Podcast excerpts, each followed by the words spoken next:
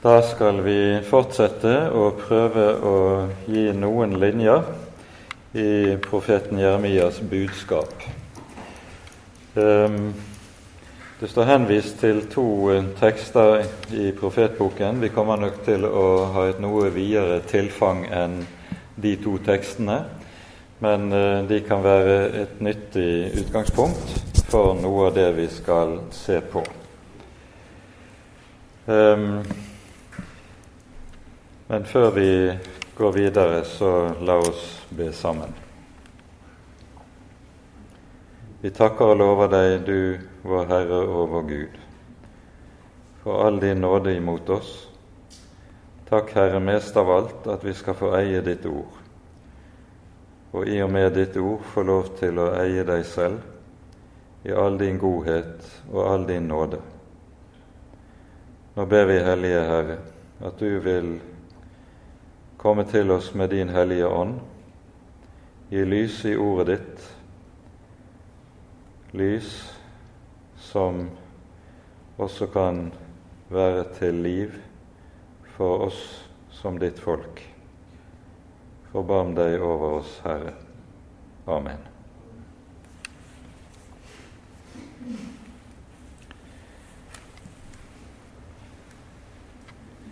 Vi hørte i forrige time om hvorledes Jeremia kalles til profet under kong Josia. Josia er konge i Jerusalem i 31 år. Etter vanlig datering mener man at man, han kom på tronen i år 640 før Kristus, eh, og han dør da i slaget ved, med farao Neko i år 609. Som vi også hørte i forrige time, er dette en uhyre turbulent tid. Det syriske verdensriket er i ferd med å kollapse. Eh, egypterne håper å berge seg fra Babylons voksende makt med å støtte Asyria og, eh, men egypterne lider det endelige nederlag i år 605, i slaget ved Karkemish, som er et av de mest berømte slagene i den gamle tid. Og så er det babylonerne kommer til å beherske arenaen fra år 605. Hele Midtøsten kommer til å bli underlagt det babylonske herredømmet. Og babylonerne råder da helt frem til Babel erobres av kong Kyros og det persiske riket eh, knappe 70 år senere. I år 636 Nei, unnskyld, 536 eller 537 før Kristus. Og Nettopp her møter vi et av de underlige trekkene ved Jeremias budskap. To ganger i hans bok hører vi at han tidfester det babylonske rikes tid. 70 år er gitt Babylon, sies det to ganger i Jeremias profetiske bok, både i kapittel 24 og i kapittel 29 er det vi hører det profeteres om de 70 år der Babylon skal være verdensmakten og ha herredømme. Og Dette begynner da i år 605. I år 605, med seieren ved Karkemish, er det at det jødiske folk, Juda og Jerusalem, kommer inn under Babels innflytelse og blir lydrike under Babylon. Og allerede da tar den babylonske kong Nebukadnesa med seg gisler fra Jerusalem hjem til Babylon, de første fangene som føres til Babel. Blant disse er Daniel. For i sitt hovmod så ønsker Nebukadnesa å ha konger og kongesønner som tjenere ved sitt eget hoff. Daniel blir en av disse. Og På samme måten hentes det konger og kongesønner fra alle de erobrede riker som skal sitte til bords hos Nebukadnesa, tjene ham ved bordet, for å vise hans veldige herlighet. Han gir seg ut for å være kongenes konge ved denne typen atferd. Juda reiser opprørsfanen under kong Jojakim, som kommer på tronen litt før år 605, noe som fører til at Nebukadnesa reiser på straffeekspedisjon og inntar Jerusalem annen gang.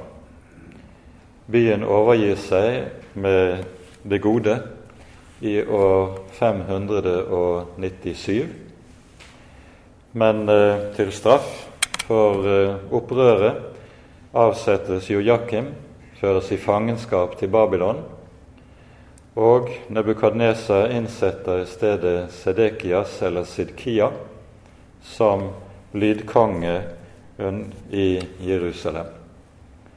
Etter elleve år er det at Jerusalem så inntas i år 587 og da med vold og makt, fordi Sidkia også søker å gjøre opprør mot den babylonske verdensmakten. Og nå ødelegges byen for alvor. Tempelet, Salomos tempel, brennes opp med ild. Alle skattene i tempelet føres til Babel, og størstedelen av folket drepes uten nåde. Dette er Jeremias periode. Og han virker altså i vel 40 år, slik vi hørte det, hvis kallet kommer til han i år 627 før Kristus, og Jerusalem erobres i år 587, så går det 40 år. Og Jerusalems erobring omtales i Jeremias bok i kapittel 39. Da har Jeremia allerede i mange år forutsagt hva som kom til å skje. Allerede i begynnelsen av sitt profetiske virke varsler han folket om det som forestår. Men årene går. Årene går uten at Herrens ord ved Jeremias ser ut til å gå i oppfyllelse noe som etter hvert ser ut til å bli en anfektelse for profeten, og en anklage mot ham. Det du har profetert, går ikke i oppfyllelse. Du er en falsk profet. Det er beskyldninger han møtes med. Og nettopp i møte med disse beskyldningene er det at Jeremia trenger å høre ordene som lød da han ble kalt når Herren lover 'Jeg vil våke over mitt ord for å fullbyrde det'. Selv om han skal vente lenge på å se at ordet fra, som han er satt til å forkynne, går i oppfyllelse. Herren har lovet å våke over det til det skjer. Og det går i oppfyllelse. Når så skjer, slik vi leser det i kapittel 39 hos Jeremia, sitter Jeremia i fangenskap. Sidkia er den som forfølger Jeremias aller hardest. Og det er under Sidkia at Jeremia gang på gang trues på livet og også puttes i fangehull et fange, og et fangenskap som slett ikke er behagelig. Men der han sitter fengslet, når babylonerne inntar byen, er han samtidig beskyttet. Blodbadet som babylonerne steller i stand, det når ikke inn i fengselscellene.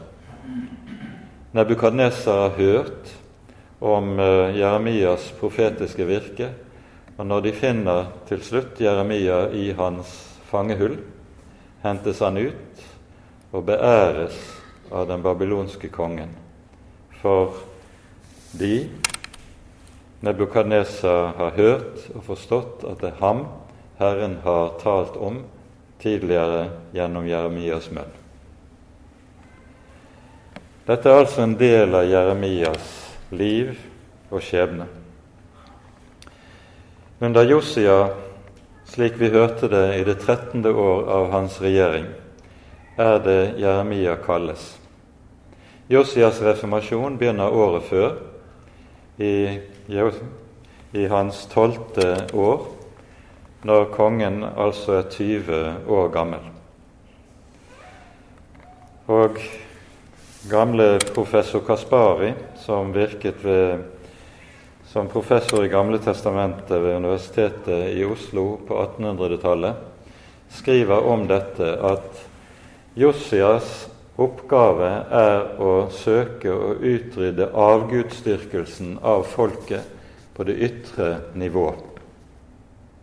Men med makt, med kongemakt, når du ikke hjertene. Så er det Jeremias reises opp av Gud for sammen med Josia å søke å nå hjertene.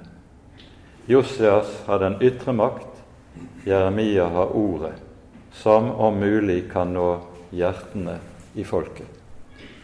Og til dette er det Jeremia reises opp, kalles til profet, kalles til profet, en oppgave som ser ut til etter hvert å vise seg fullstendig umulig. Så lenge Josias lever, holder han sin hånd over profeten Jeremia.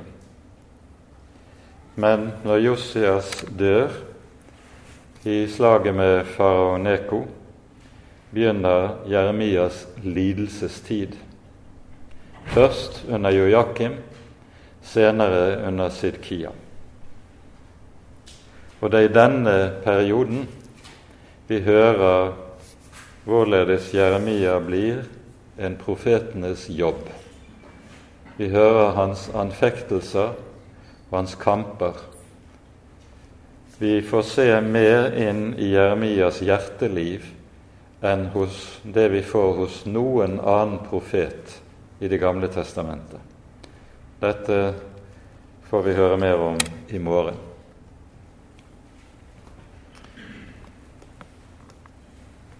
Noe av det helt spesielle som skjer under Josias reformasjon, det pekte Ingvald på i forrige time også. Det hører vi i 2. Eh, krønikabok, kapittel 34. Under renselsen av tempelet og opprydningen der hører vi at presten Hilkia finner Herrens lovbok. Og Formuleringen i grunnteksten er slik det er Herrens lovbok ved Mose hånd. Og det er mange som har ment at dette betyr at det er selve den nedskrevne lov som Moses fikk befaling om å skrive, slik vi hører det gjentatte ganger i 5. Mosebok. Hvordan dette enn er, så er det et kjennetegn ved Jeremias budskap at han er en som målbærer det budskapet vi finner i Mosebøkene, og ganske særlig 5. Moseboks kapittel 28 og kapittel 32. Disse to kapitlene i 5. Mosebok er helt sentrale i Jeremias profetiske budskap, slik at Jeremias er skriftprofet i dobbelt forstand. Ikke bare i den forstand at vi får høre hans budskap nedskrevet, i, slik vi har det i vår hellige skrift, men også i den forstand at han aktivt anvender Guds ord som er gitt i Mosebøkene. På sett og vis så kommer, Mos, kommer Jeremias slik, ikke med noe nytt i sitt profetiske budskap. Han frembærer bare og aktualiserer det som er talt og sagt i Moselov. Det er en meget nær sammenheng mellom det vi leser særlig i disse to kapittel 28 og 32 i 5. Mosebok, og det vi leser i Jeremias budskap for øvrig. Jeremias er den babylonske periodens hovedprofet. Det er slik i, eh, når det gjelder profetene i den gamle pakt, at du har tre epoker som er kjennetegnet av tre verdensriker. Du har det asyriske verdensriket. Her er det profeten Jesaja som er periodens hovedprofet. Så avløses det asyriske riket av det babylonske riket. Her er Jeremia periodens hovedprofet. Riktignok sammen med Esekiel. For når Nebukadnesar annen gang kommer til Jerusalem og inntar byen i 596 uten å ødelegge den, da bortføres en stor del av befolkningen i Jerusalem til Babel. Dette leser vi om i konge- og krønikebøkene. Og de som bortføres, det er hele lederskapet i det jødiske folk. Både det økonomiske, det politiske, det militære og også det religiøse lederskap i stor utstrekning bortføres til Babylon. Slik at Og blant disse er en som kalles til profet, nemlig Esekiel. Esekiel hører med til de bortførte i Babel og kommer til å virke blant de bortførte der i hele sitt virke. Han er profet, men virker aldri i Jerusalem. Hans oppgave er helt spesifikt å virke og tale til de bortførte til omvendelse. Og de bortførtes får etter hvert se hvorledes Herrens ord gjennom Jeremias munn bokstavelig går i oppfyllelse med det som skjer i Jerusalem. Og Det innebærer at for det jødiske folk så skjer det en radikal omvandling under det babylonske fangenskap. Forut for det babylonske fangenskap er den største åndelige fare og fristelse for Israels folk, det er avgudsdyrkelsen blant nabofolkene. Kananittene og etter hvert også babylonsk gudsdyrkelse gjør store innhugg i det jødiske folk. Første bud krenkes hele veien. Under det babylonske fangenskapet knekkes avgudsdyrkelsen for godt. Og etter det babylonske fangenskap, når folket får vende tilbake igjen til Jerusalem, så er avgudsdyrkelsen, slik som vi ser det forut for fangenskapet, aldri lenger noen fristelse for det jødiske folk. Det som da etter hvert kommer til i stedet å ta plass, det er den fremvoksende lovrettferdighet som etter hvert utmyntes i fariseismen. Men det er et annet kapittel som vi ikke skal komme inn på. Men dette er noen av de store linjene i det vi står overfor.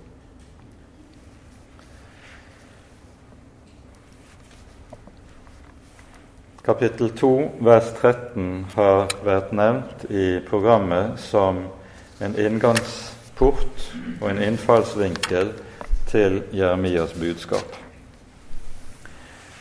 Her leser vi slik.: To onde ting har mitt folk gjort.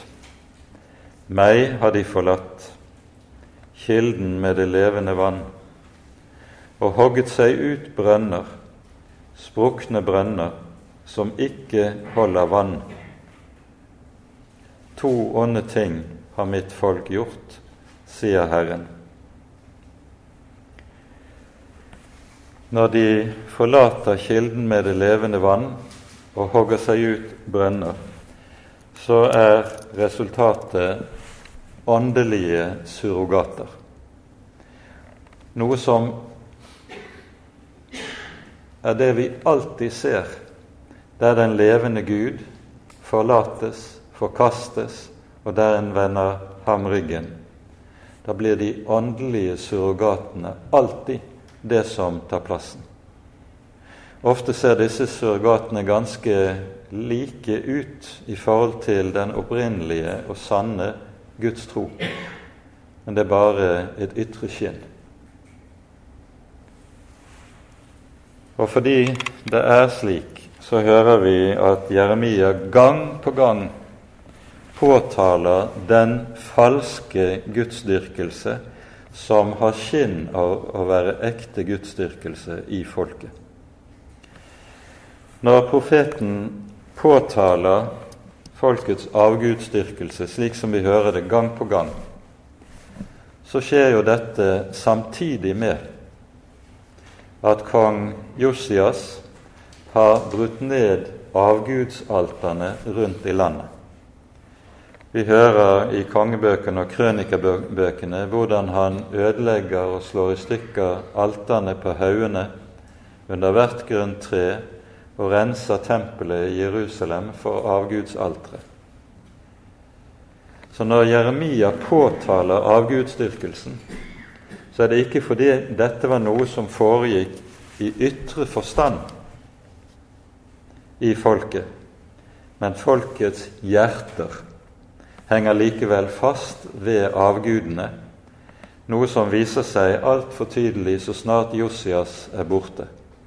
Når Joakim kommer på tronen, så bryter avgudsdyrkelsen igjennom for fullt på ny. Og Derfor sitter avgudene i folkets hjerter. Og Det er dette profeten Jeremia har fått i oppgave å peke på, påtale og kalle til omvendelse fra.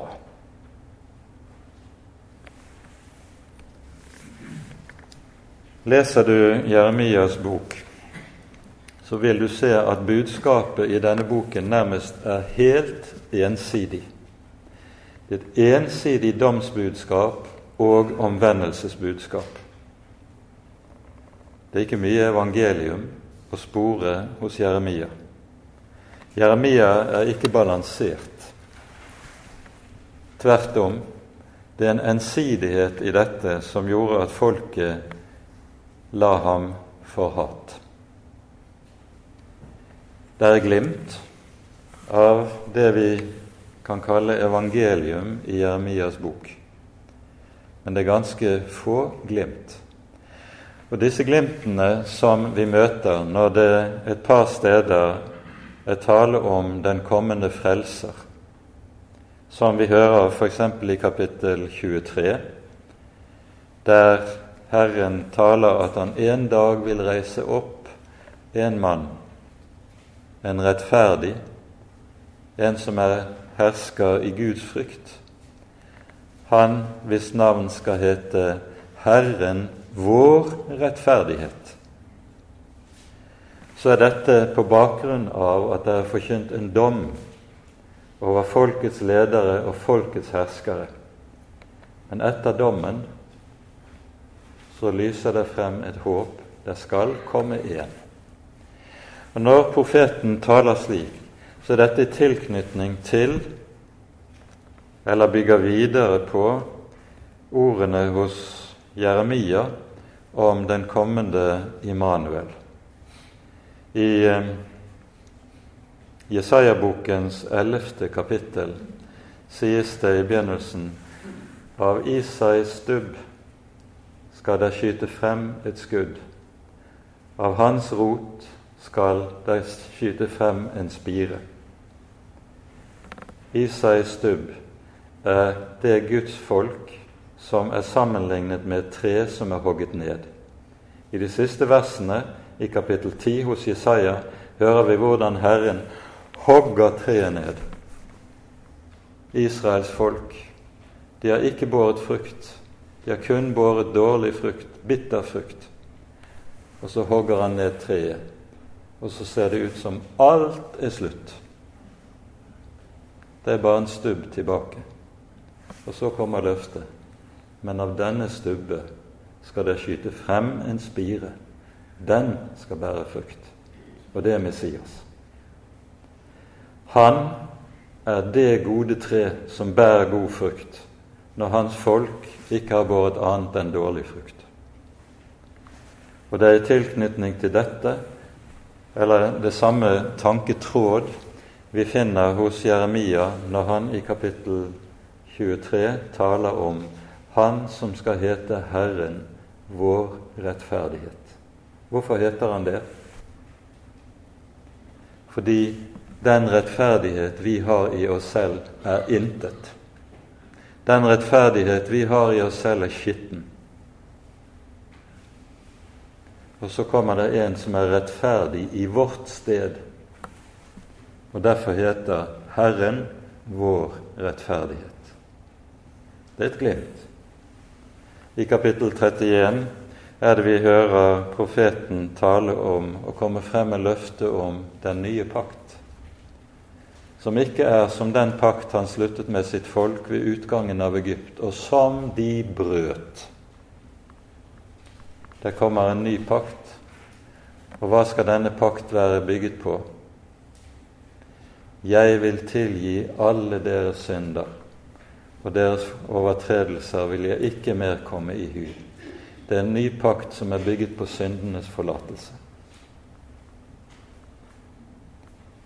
Disse glimt av evangelium er det vi ser hos Jeremia, men de ligger tydelig langt fremme, for først kommer dommens tid. Og denne dommens tid er den som profeten er satt til å bære frem. Ulykken kommer fra nord, lik en sydende og kokende kjele. Den syder og koker med en slik hete at det koker over, og den brennende væsken flyter utover hele landet og ødelegger og brenner opp. Skader og levner intet. Dette er Jeremias lodd å bære frem. Men kjernen i det, og det som ligger bak, er det som sies her i 2.13. To onde ting har mitt folk gjort. Meg har de forlatt, kilden med det levende vann, og hogget seg ut brønner, sprukne brønner som ikke holder vann. I Israel er det så at jordskjelv er en relativt hyppig foreteelse. Og det er også slik at regn det faller det bare noen få måneder i året. Derfor bygger man seg sisterner for å samme opp vannet fra regntidene. Disse sisternene hogges ut i klippene. Men som dere vet, i alt fjell og i alle klipper så er det sprekker. Og Derfor så tok en og pusset sisternene innvendig med murpuss slik at de skulle holde på vann. Men jordskjelvene de hadde det med seg at da ødelegges sisternene. Det blir sprukne brønner som ikke lenger holder vann. Et jordskjelv kunne være en katastrofe når det rammet folket. For plutselig så kunne de være, stå der syv, åtte, ni måneder uten vanntilførsel fordi sisternene var ødelagt av jordskjelvene. Det er slikt et jordskjelv Jeremia dypest sett også forkynner. Der det avsløres at alt det folket har satt sin lit til og trodd på, det holder ikke. Dette kommer profeten inn på lenger ute i kapittel 2 der eh, det sies ifra vers 26 når Herren går i rette med folket, så står det like som en tyv må skamme seg når han blir grepet, således må Israels hus skamme seg, de selv, deres konger, deres høvdinger og deres prester og profeter, fordi de sier til treet, du er min far, og til steinen, du har født meg. De har vendt ryggen til meg og ikke ansiktet. Men i sin ulykkes tid sier de, Reis deg og hjelp oss. Så svarer Herren, Hvor er nå dine guder, som du gjorde deg? La dem hjelpe deg. La dem stå deg bi i din ulykkes tid. For så mange som dine byer er Juda, er dine guder blitt. Så viser det seg brønnene de har hogget ut, holder ikke vann. Det er ingen hjelp i det. Og når de har forlatt kilden med det levende vann, har de ikke lenger noe som kan holde dem i live. Det er fortvilelsen, det er nøden, som står der. Forut for Jeremias virke under profeten Jesaja går Nordriket i Israel under. Det er asyrerne som renner Nordriket over ende. Og de ti stammene i nord føres i fangenskap og blir etter hvert borte fra historiens arena. Og Årsaken til Nordrikets fall den forklares for oss profetisk i 2. kongebok 17. kapittel, der vi hører det pekes på avgudsdyrkelsen. Avgudsdyrkelsens kilde, hva var det? Folket tok etter de hedningefolks skikker som de bodde iblant. Kananittenes synder, kananittenes guder, var en stadig fristelse Og nettopp dette som er noe av kilden til Israels fall, at de tar etter de folk som de bor iblant, det er det som er bakteppet for Det nye testamentets sterke advarsler mot å skikke seg like med denne verden. Israel er forbildet i så måte. Og så føyes det til et underlig ord der i 2. kongebok 17. Det sies videre om årsaken til Israels fall. De skjulte Herren sin Gud med ord som ikke var rette. Og så står forklaringen under verset. Med falske forklaringer av Guds ord skjulte de Herrens sanne vesen. Poenget er der Guds ord forkynnes sant og rett, der åpenbares Gud for oss. Men der Guds ord forfalskes, der en forfusker Guds ord, der skjules Gud for menneskene, slik at han blir utilgjengelig. Og nettopp dette er det som skjer i Israels folk på Jeremias tid. Vi leser f.eks. i um, det åttende kapittelet, der profeten sier Vårled fra vers 8.: Hvordan kan dere si vi er vise, Herrens lov har vi hos oss? Sannelig, til løgn har de skriftlærdes løgnpenn gjort den. De skryter av å ha Herrens lov, men de vrir på ordene, misbruker det, slik at det ikke blir til hjelp, men i stedet til forførelse for folket. For dette er noe av det største problemet som Jeremia kommer til å få til å kjempe med i hele sin tid. I Nordriket og for en del i Sydriket var de falske profeter et stadig tilbakevendende problem.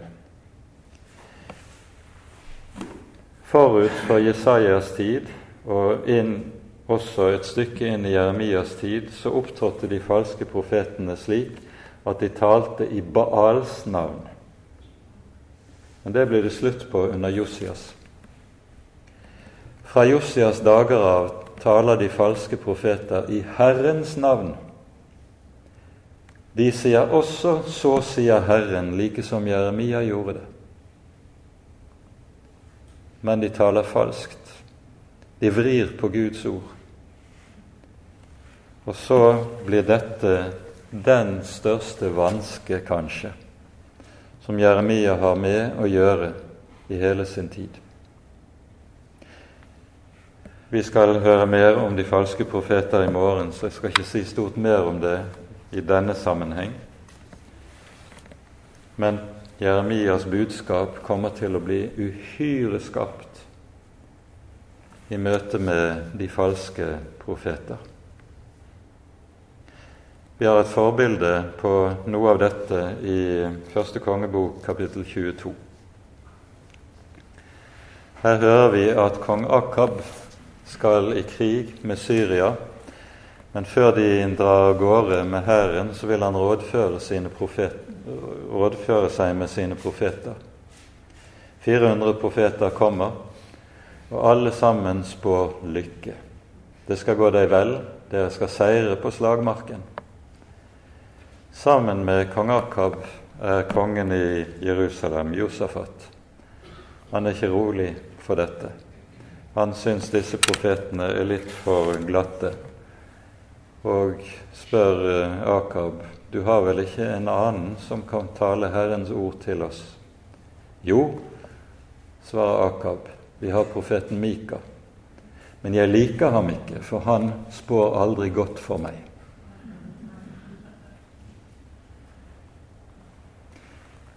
Og så er det Mika avslører hva som lyder i disse profe falske profeters munn.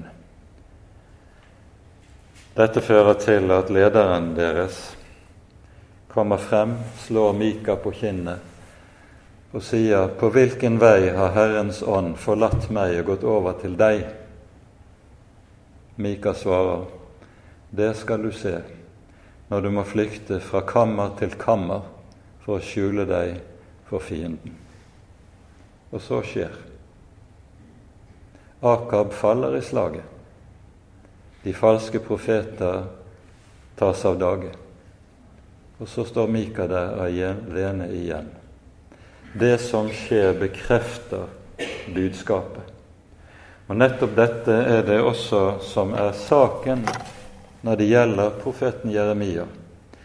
Det det som utspinner seg på historiens arena. Det bekrefter profetens budskap helt uimotsigelig.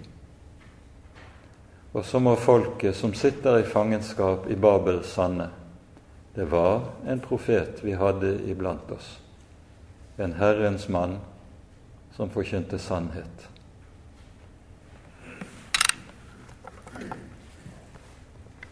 Når vi leser kapittel 2, vers 13 To onde ting har mitt folk gjort.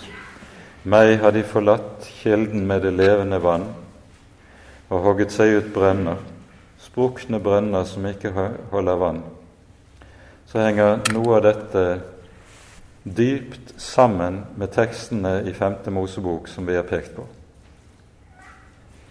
Kapittel 2 begynner med at Herren minner om sine velgjerninger overfor folket.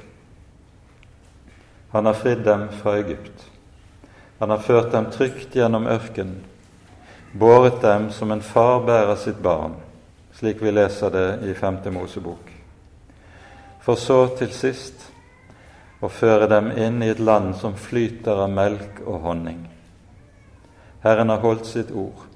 Og Derfor lyder det også i avslutningen av Josvas bok Alle Herrens ord ble oppfylt. Det var ikke ett av Herrens ord som falt til jorden. Da har folket kommet inn. De har fått landet i eie. Herren har holdt det han lovet, og de har sett det med sine egne øyne. Dette minner Herren folket om gjennom Jeremia nå ved innledningen til kapittel 2. Dere har sett meg fri dere. Dere har sett meg velsigne dere. Dere har sett meg bære dere. Hva ondt har dere funnet hos meg, siden dere vender meg ryggen? spør Herren så sitt folk. Vi leser litt tidligere her i eh, kapittel 2. Hør fra vers 4. Hør Herrens ord, Jakobs hus, og alle etter av Israels hus. Så sier Herren, hva urett har deres fedre funnet hos meg, siden de gikk langt bort fra meg og fulgte de tomme guder og ble selv tomme. De sa ikke 'Hvor er Herren?' Det er ingen som spurte etter Herren. Hvor er Herren som førte oss opp fra Egyptens land, som ledet oss i ørkenen? Og jeg førte dere inn i et land med fruktbare marker. Men prestene sa ikke, Hvor er Herren? Og de som syslet med loven, kjente meg ikke. Hyrdene falt fra meg, og profetene spådde ved Baal og fulgte det som ikke kan hjelpe. De som syslet med loven, kjente meg ikke. Det ser vi i våre dager òg. Det er utallige prester som har studert teologi og Guds ord, som ikke kjenner Herren, og som i dag fører folket vill. Det er situasjonen i vårt land, ikke ulik det som var tilfellet den gang. De spurte ikke 'Hvor er Herren?' Så henter profeten frem paradokset fra vers 10. Dra over til kiteernes øer og se, og send bud til Kedar og gi nøye akt og se om noe slikt er skjedd har vel et hedningefolk byttet bort sine guder, enda de ikke er guder. Men mitt folk har byttet bort sin ære mot det som ikke kan hjelpe. Forskrekkes dere himler over dette og gys og blir storlig forferdet. Her peker profeten på et underlig trekk. Ser du på de ulike folkeslag og deres religioner og avgudsdyrkelse, så er dette noe de henger ved av hjertet, og aldeles ikke vil gi slipp på. Men med Guds folk er det motsatte tilfellet. De forlater sin tro og sin Gud villig vekk om igjen og om igjen i generasjon etter generasjon. Hvorfor er det slik? Årsaken ligger i den at den naturlige religiøsitet som kommer til uttrykk i alle verdens ulike religioner, religioner ikke er annet enn noe som er uttrykk for menneskets iboende natur og iboende lyster. Mens den Gud som er Bibelens Gud, som er den hellige, han er dypt dypt fremmed for mennesket slik det er falt i sin synd. Og Derfor ligger det i hvert menneske Derfor ligger det også i Guds folk et dypt anstøt mot Gud, som gjør at Guds folk stadig har denne tendensen til å falle fra, til å vende Herren ryggen. Det skjer om igjen og om igjen. Ja, det har vært sagt det ser ut som frafall er regelen i Guds folks liv snarere enn unntaket. Det bekreftes i hvert fall av historien i Det gamle testamentet. Hvor meget arbeid Gud har for å bevare sitt folk hos seg, det ser vi av den nød og trengsel han stadig må sende for å skape besinnelse hos sitt folk, for å få dem til å stanse opp og se og kjenne seg selv.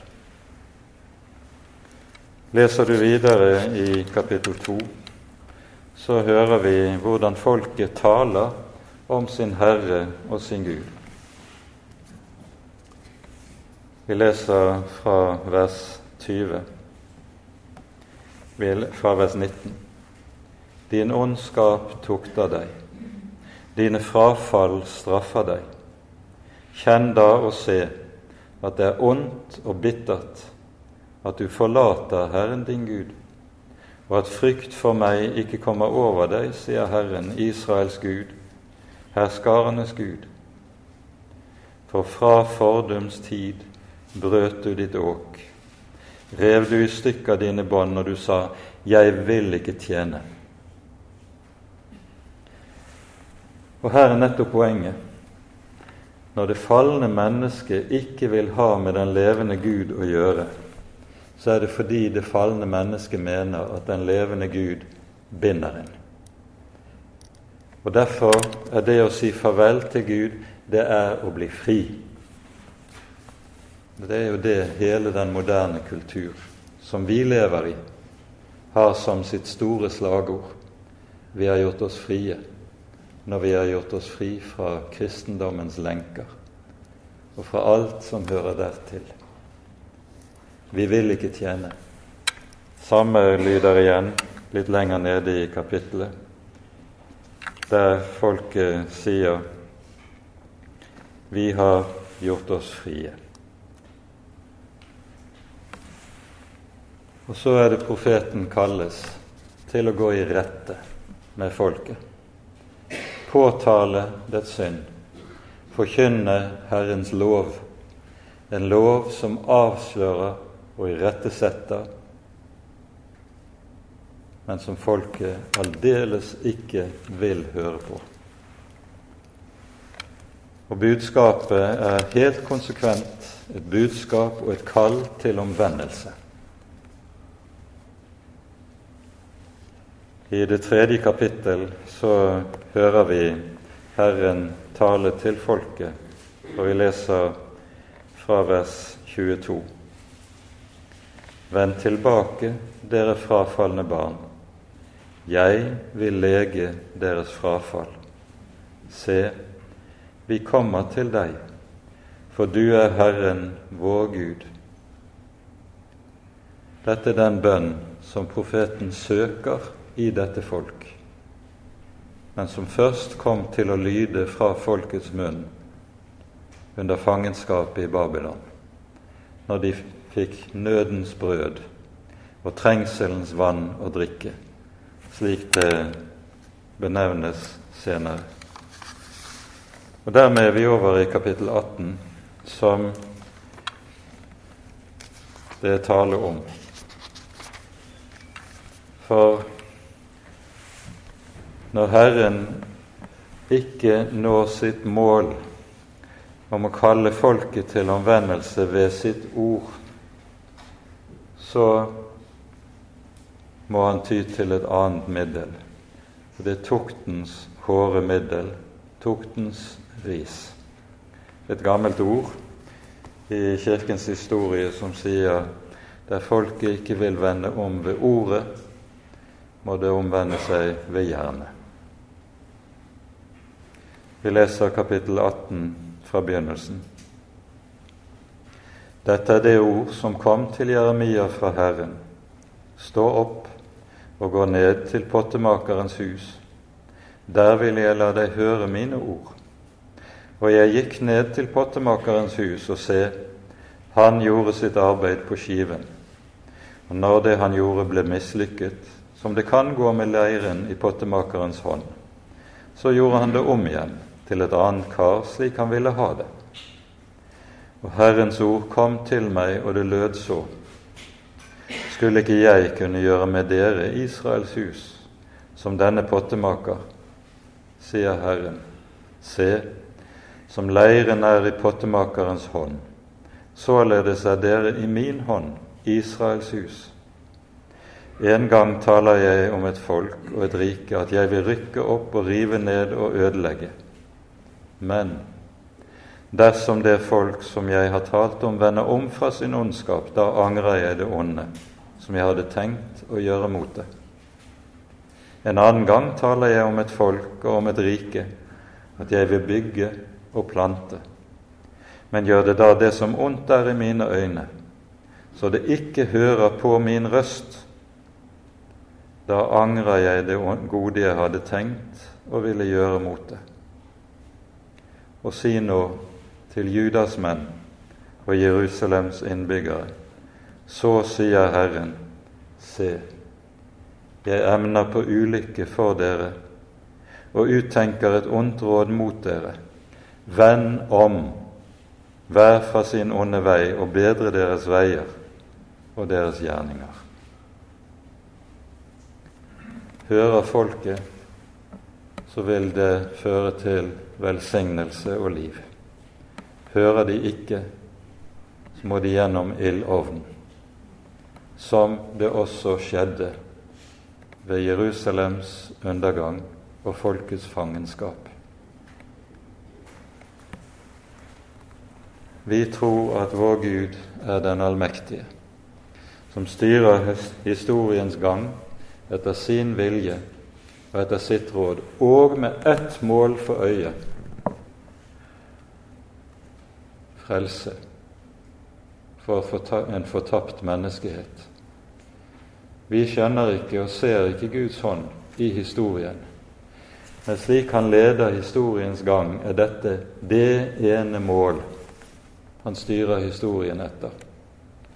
Og når han kaster et folk i ildovnen, så er det to ting som ligger i det. Både dom. Dom over den synd, ugudelighet, ondskap, avgudsdyrkelse som har gjort seg gjeldende. Samtidig som det i det også ligger et veldig kall til omvendelse.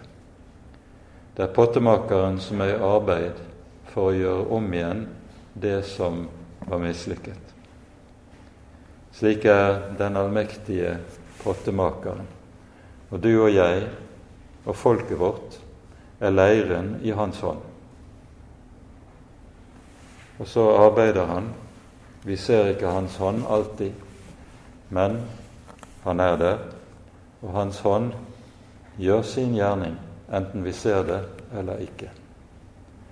Og hele veien er det dette ene det handler om. Vend om, dere frafalne barn, så vil jeg lege deres frafall. Med det setter vi punktum for denne timen, og så fortsetter vi i morgen. Ære være Faderen og Sønnen og Den hellige ånd, som var og er og være skal en sann Gud, høylovet i evighet.